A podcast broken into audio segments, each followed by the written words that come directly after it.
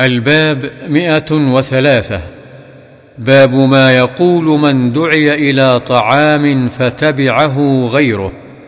عن أبي مسعود البدري رضي الله عنه قال دعا رجل النبي صلى الله عليه وسلم لطعام صنعه له خامس خمسة فتبعهم رجل فلما بلغ الباب قال النبي صلى الله عليه وسلم إن هذا تبعنا فإن شئت أن تأذن له وإن شئت رجع.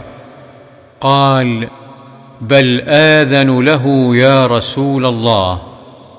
متفق عليه.